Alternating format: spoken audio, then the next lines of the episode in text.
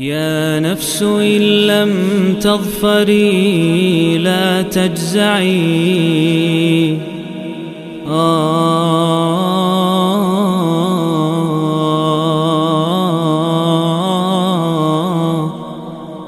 Bismillah walhamdulillah wassalatu wassalamu ala rasulillahi amma ba'du Masih bersama serial 114 hari menyambut bulan Ramadan Dan kita di surat Al-Kawthar Surat yang ke-108 Surat ini merupakan surat Makkiyah Turun setelah surat Al-Adiyat Dan sebelum surat At-Takathur Terdiri dari tiga ayat menjadikan surat ini satu dari tiga surat dengan tiga ayat Yaitu surat Al-Asr surat ke-103, kemudian Al-Kautsar sendiri surat 108 dan An-Nasr surat ke-110.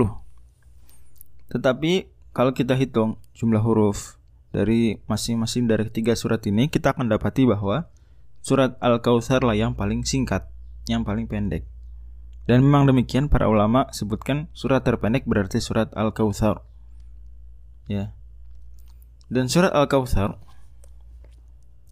uh, mes, uh, meskipun dia diberi gelar dengan surat terpendek ya tersedikit boleh kita demikian bilang jumlah ayatnya tapi namanya adalah al kausar yang mencerminkan sesuatu yang banyak nah, ini salah satu keunikan dari surat ini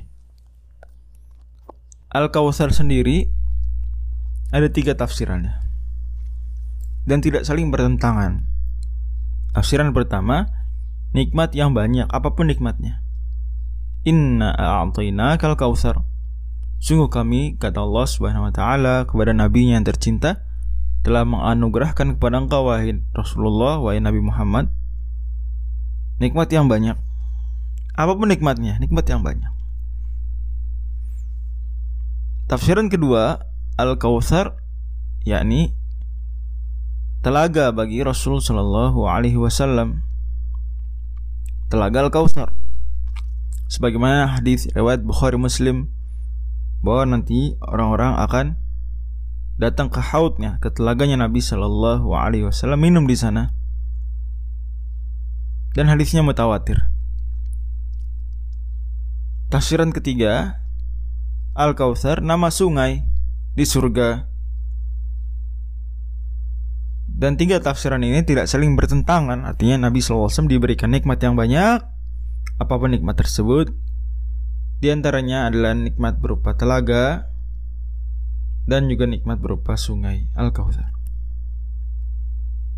Inna a'atayna kal-kawthar Kata Al-Kawthar yang tadi mencerminkan makna banyak Ya, Al-Kawthar ini memang dijadikan nama surat Berangkat dari ayat pertama surat ini.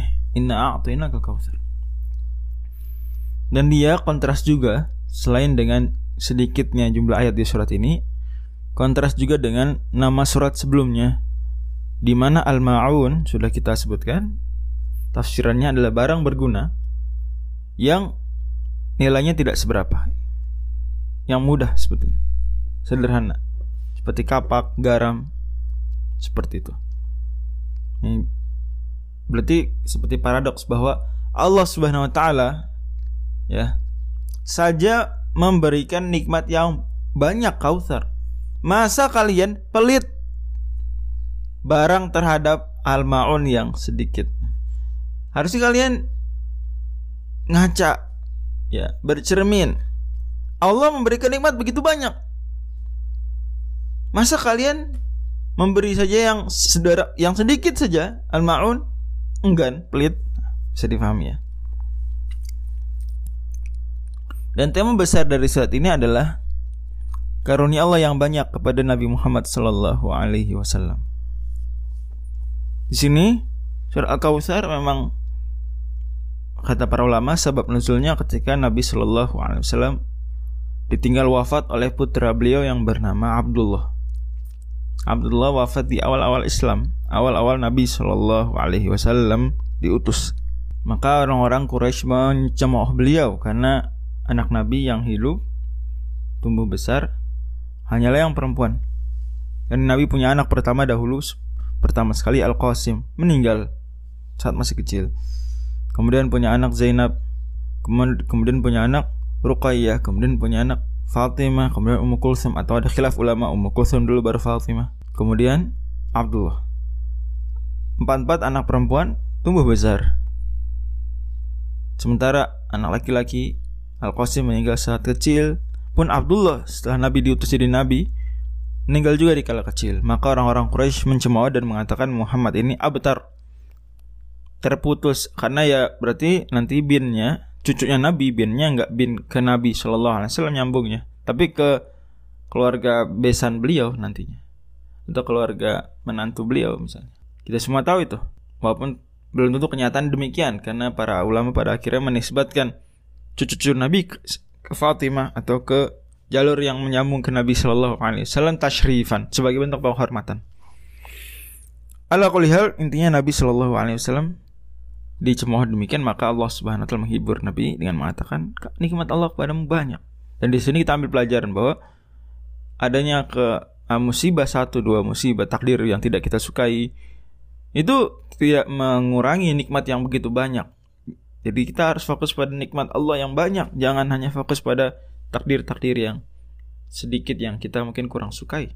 Dan itu pada akhirnya takdir yang kita sukai sering kali merupakan nikmat yang besar juga bagi orang lain, gitu ya. Fasol li rabbika wanhar. Kemudian bentuk syukur kita terhadap nikmat-nikmat Allah adalah di antaranya di sini kata Allah dengan sholat ikhlas pada Tuhan. Wanhar dan menyembelih juga ikhlas hanya pada Tuhan. Pada Allah Subhanahu wa taala. Dan Allah katakan pada akhirnya inna syani'aka Orang yang terputus bukan engkau yang tidak punya keturunan laki-laki. Dia tidak sampai besar. Tetapi justru yang terputus adalah para pembenci engkau dan kita semua saksikan hari ini siapa yang lebih populer Nabi Muhammad Shallallahu Alaihi Wasallam ataukah pembenci-pembenci beliau? Apa yang dikatakan orang-orang Quraisy abtar terputus ini terputus sudah nggak tersebut lagi nama Nabi Muhammad karena sudah putus nasabnya. Tapi tidak demikian adanya. Wallahu a'lam bishawab.